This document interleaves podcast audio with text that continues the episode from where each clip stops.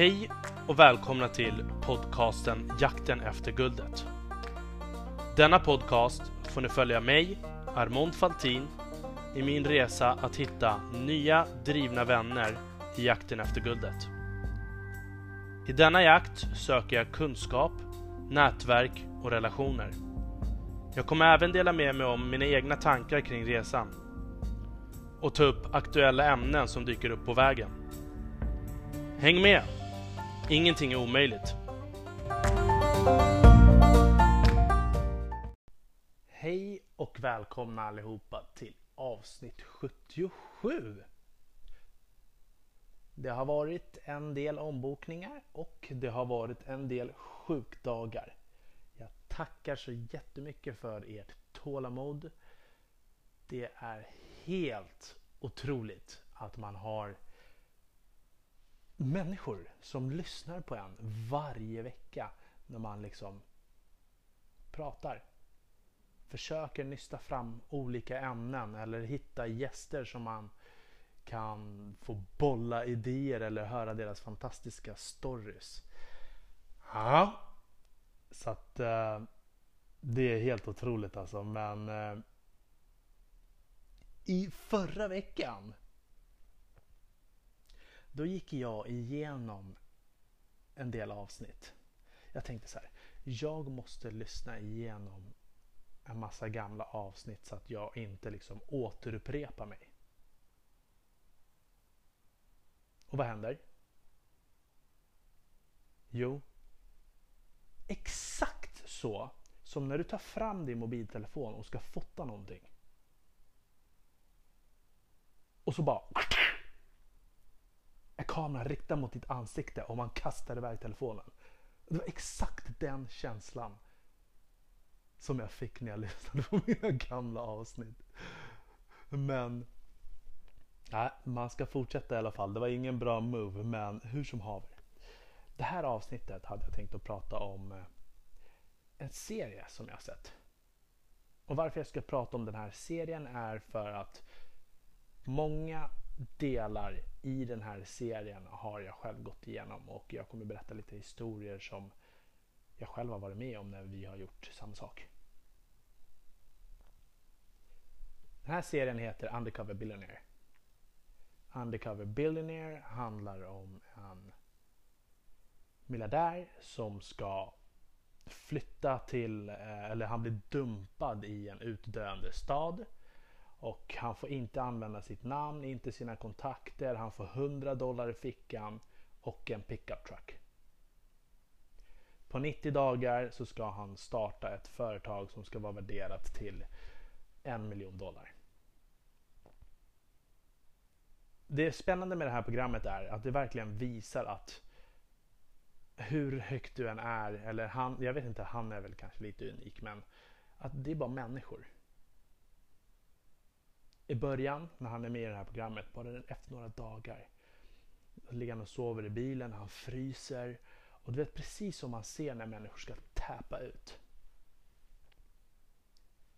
Så börjar han luta sig ut genom bilen och spyr. Och så känner man så här, okej okay, han åker till sjukhuset och man ser liksom, det, det, här är tufft för honom. Han får börja om från början. Och det har gått tre dagar nu. Om 90 dagar är du tillbaka till dina 2,2 miljarder dollar. Han börjar sälja tennisbollar. Som ska vara till fast till hundar. Han förklarar hur han inte tror på produkten och hur han skäms. Och absolut inte vill göra det här igen. Så han söker sig till massa nya arbeten.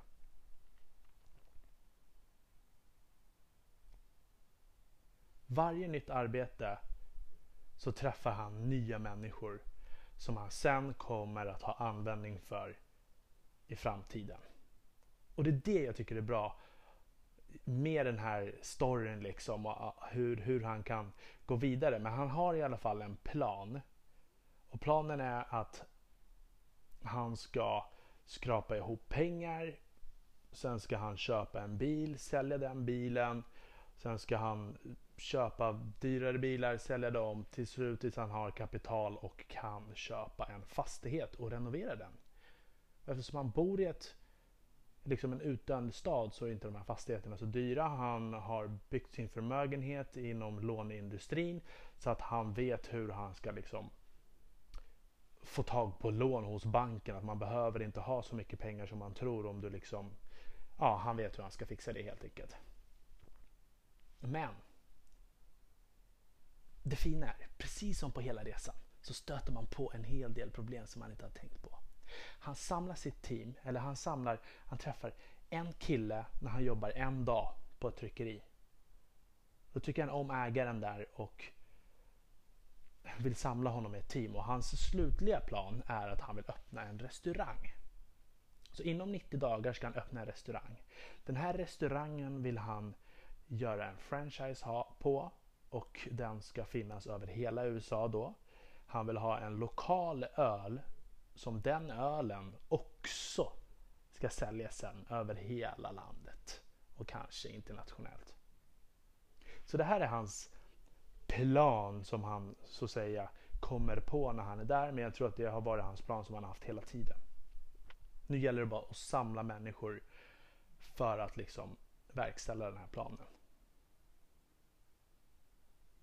Han pratar med den här killen på tryckeriet. Han jobbade på ett svetseri innan och då var det en svetsare där och så hade han träffat en tjej som jobbar med trä. Hon var finsnickare och liksom inredare. Han träffar lite olika människor. Så han samlar alla de här personerna. Berättar om sina visioner. Och, och tro mig, det här var inte några noggranna visioner. Så att de här mötena, det, det, ser, alltså det, det ser exakt ut som man själv har gjort när man inte hade någon plan eller någonting. Bara sprang ihop och försökte samla människor och liksom starta någonting. Men ändå så liksom. Ja, alla var jätte liksom på och, och, och ville vara med och det var inte så himla tydligt eller klart. Han, de träffade lite olika bryggerier Bryggerierna tycker inte att de har en klar vision. Bryggerierna själva vet exakt hur svårt det är att sälja. De vill bara sälja lokalt, inte internationellt. Och ja, det var, det var bara spännande att se. Så att, det finns en, så här, en tävling som heter det är någon grilltävling. Grillfest competition. Där du kan vinna liksom bästa ribs, bästa sås, bästa rökta någonting.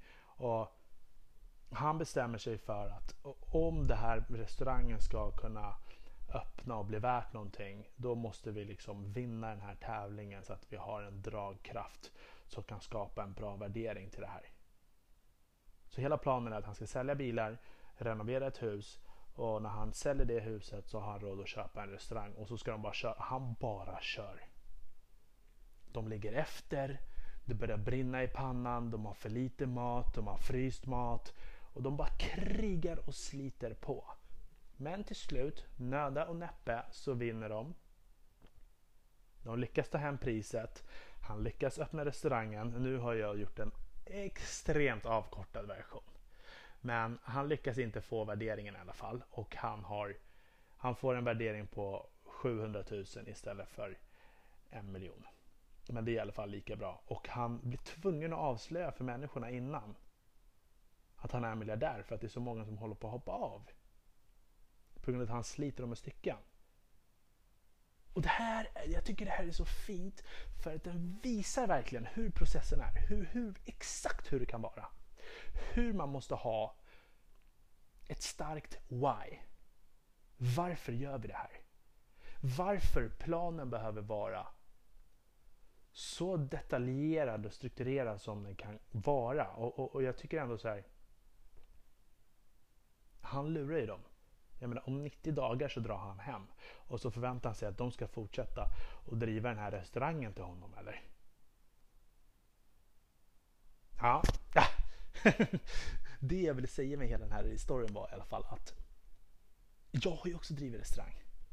Min kompis köpte en restaurang, eh, jag vet inte om det var lite mer än tio år sedan, på Regeringsgatan.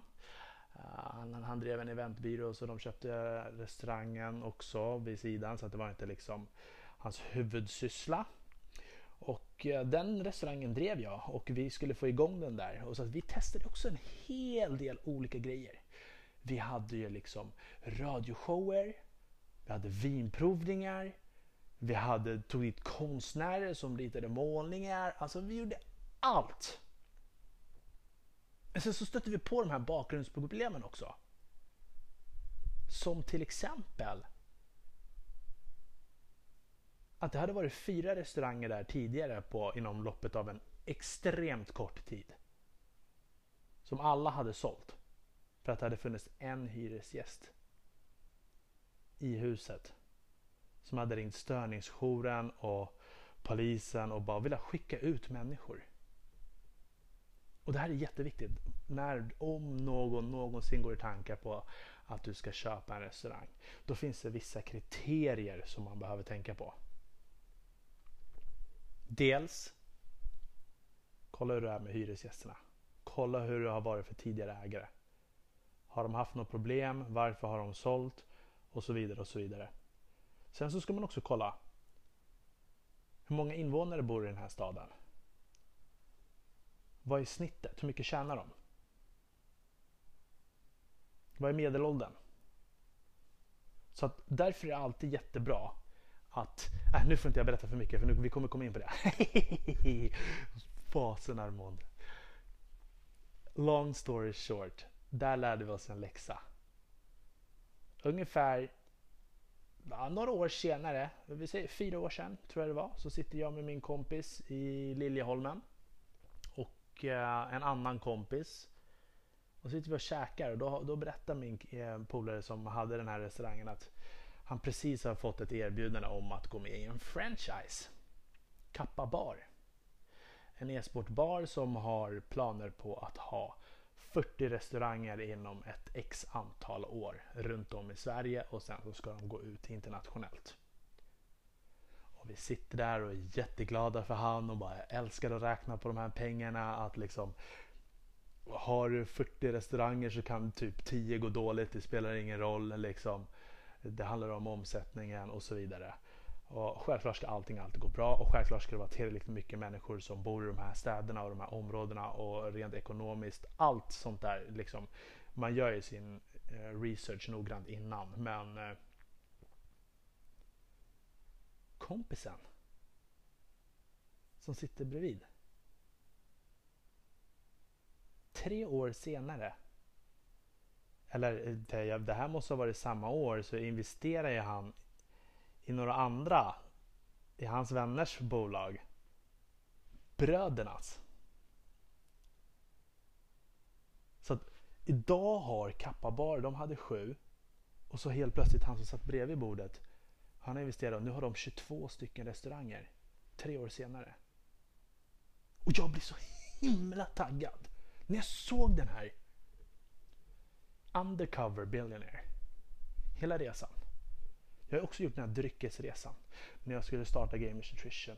Och när man gick till olika samarbetspartners, grossister och när man desperat liksom pratar med folk och frågar hur man ska göra. Vad det är som är viktigt liksom. Hela den här jakten och jaget liksom. Så jag kände igen mig i alla de här delarna. Men och restauranger, det skulle jag... Uh.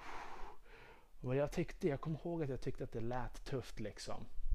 Och jag trodde jättemycket på att Kappa skulle vinna. Men nu har bröderna rusat om och de leder med 22-7. Ja, det finns i Spanien och runt om i hela Sverige. Och nu får vi se, det här kommer bli ett roligt race. Och jag undrar nu bara, vad ska jag göra?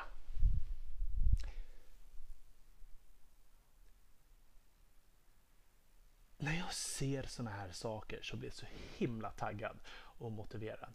Och, och, speciellt när man har gått in i de här i så många olika fällor och liksom lärt sig så himla mycket saker från så många olika erfarenheter. Och det är exakt det här jag menar när man har liksom vänner som har det här vid sidan och, och så liksom för att höra om allas problem. Allas hinder.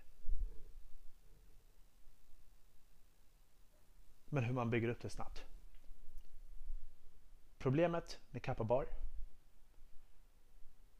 är inte att e-sport inte är stort.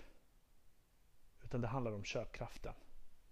Och att de kanske inte gillar att gå ut lika mycket som andra.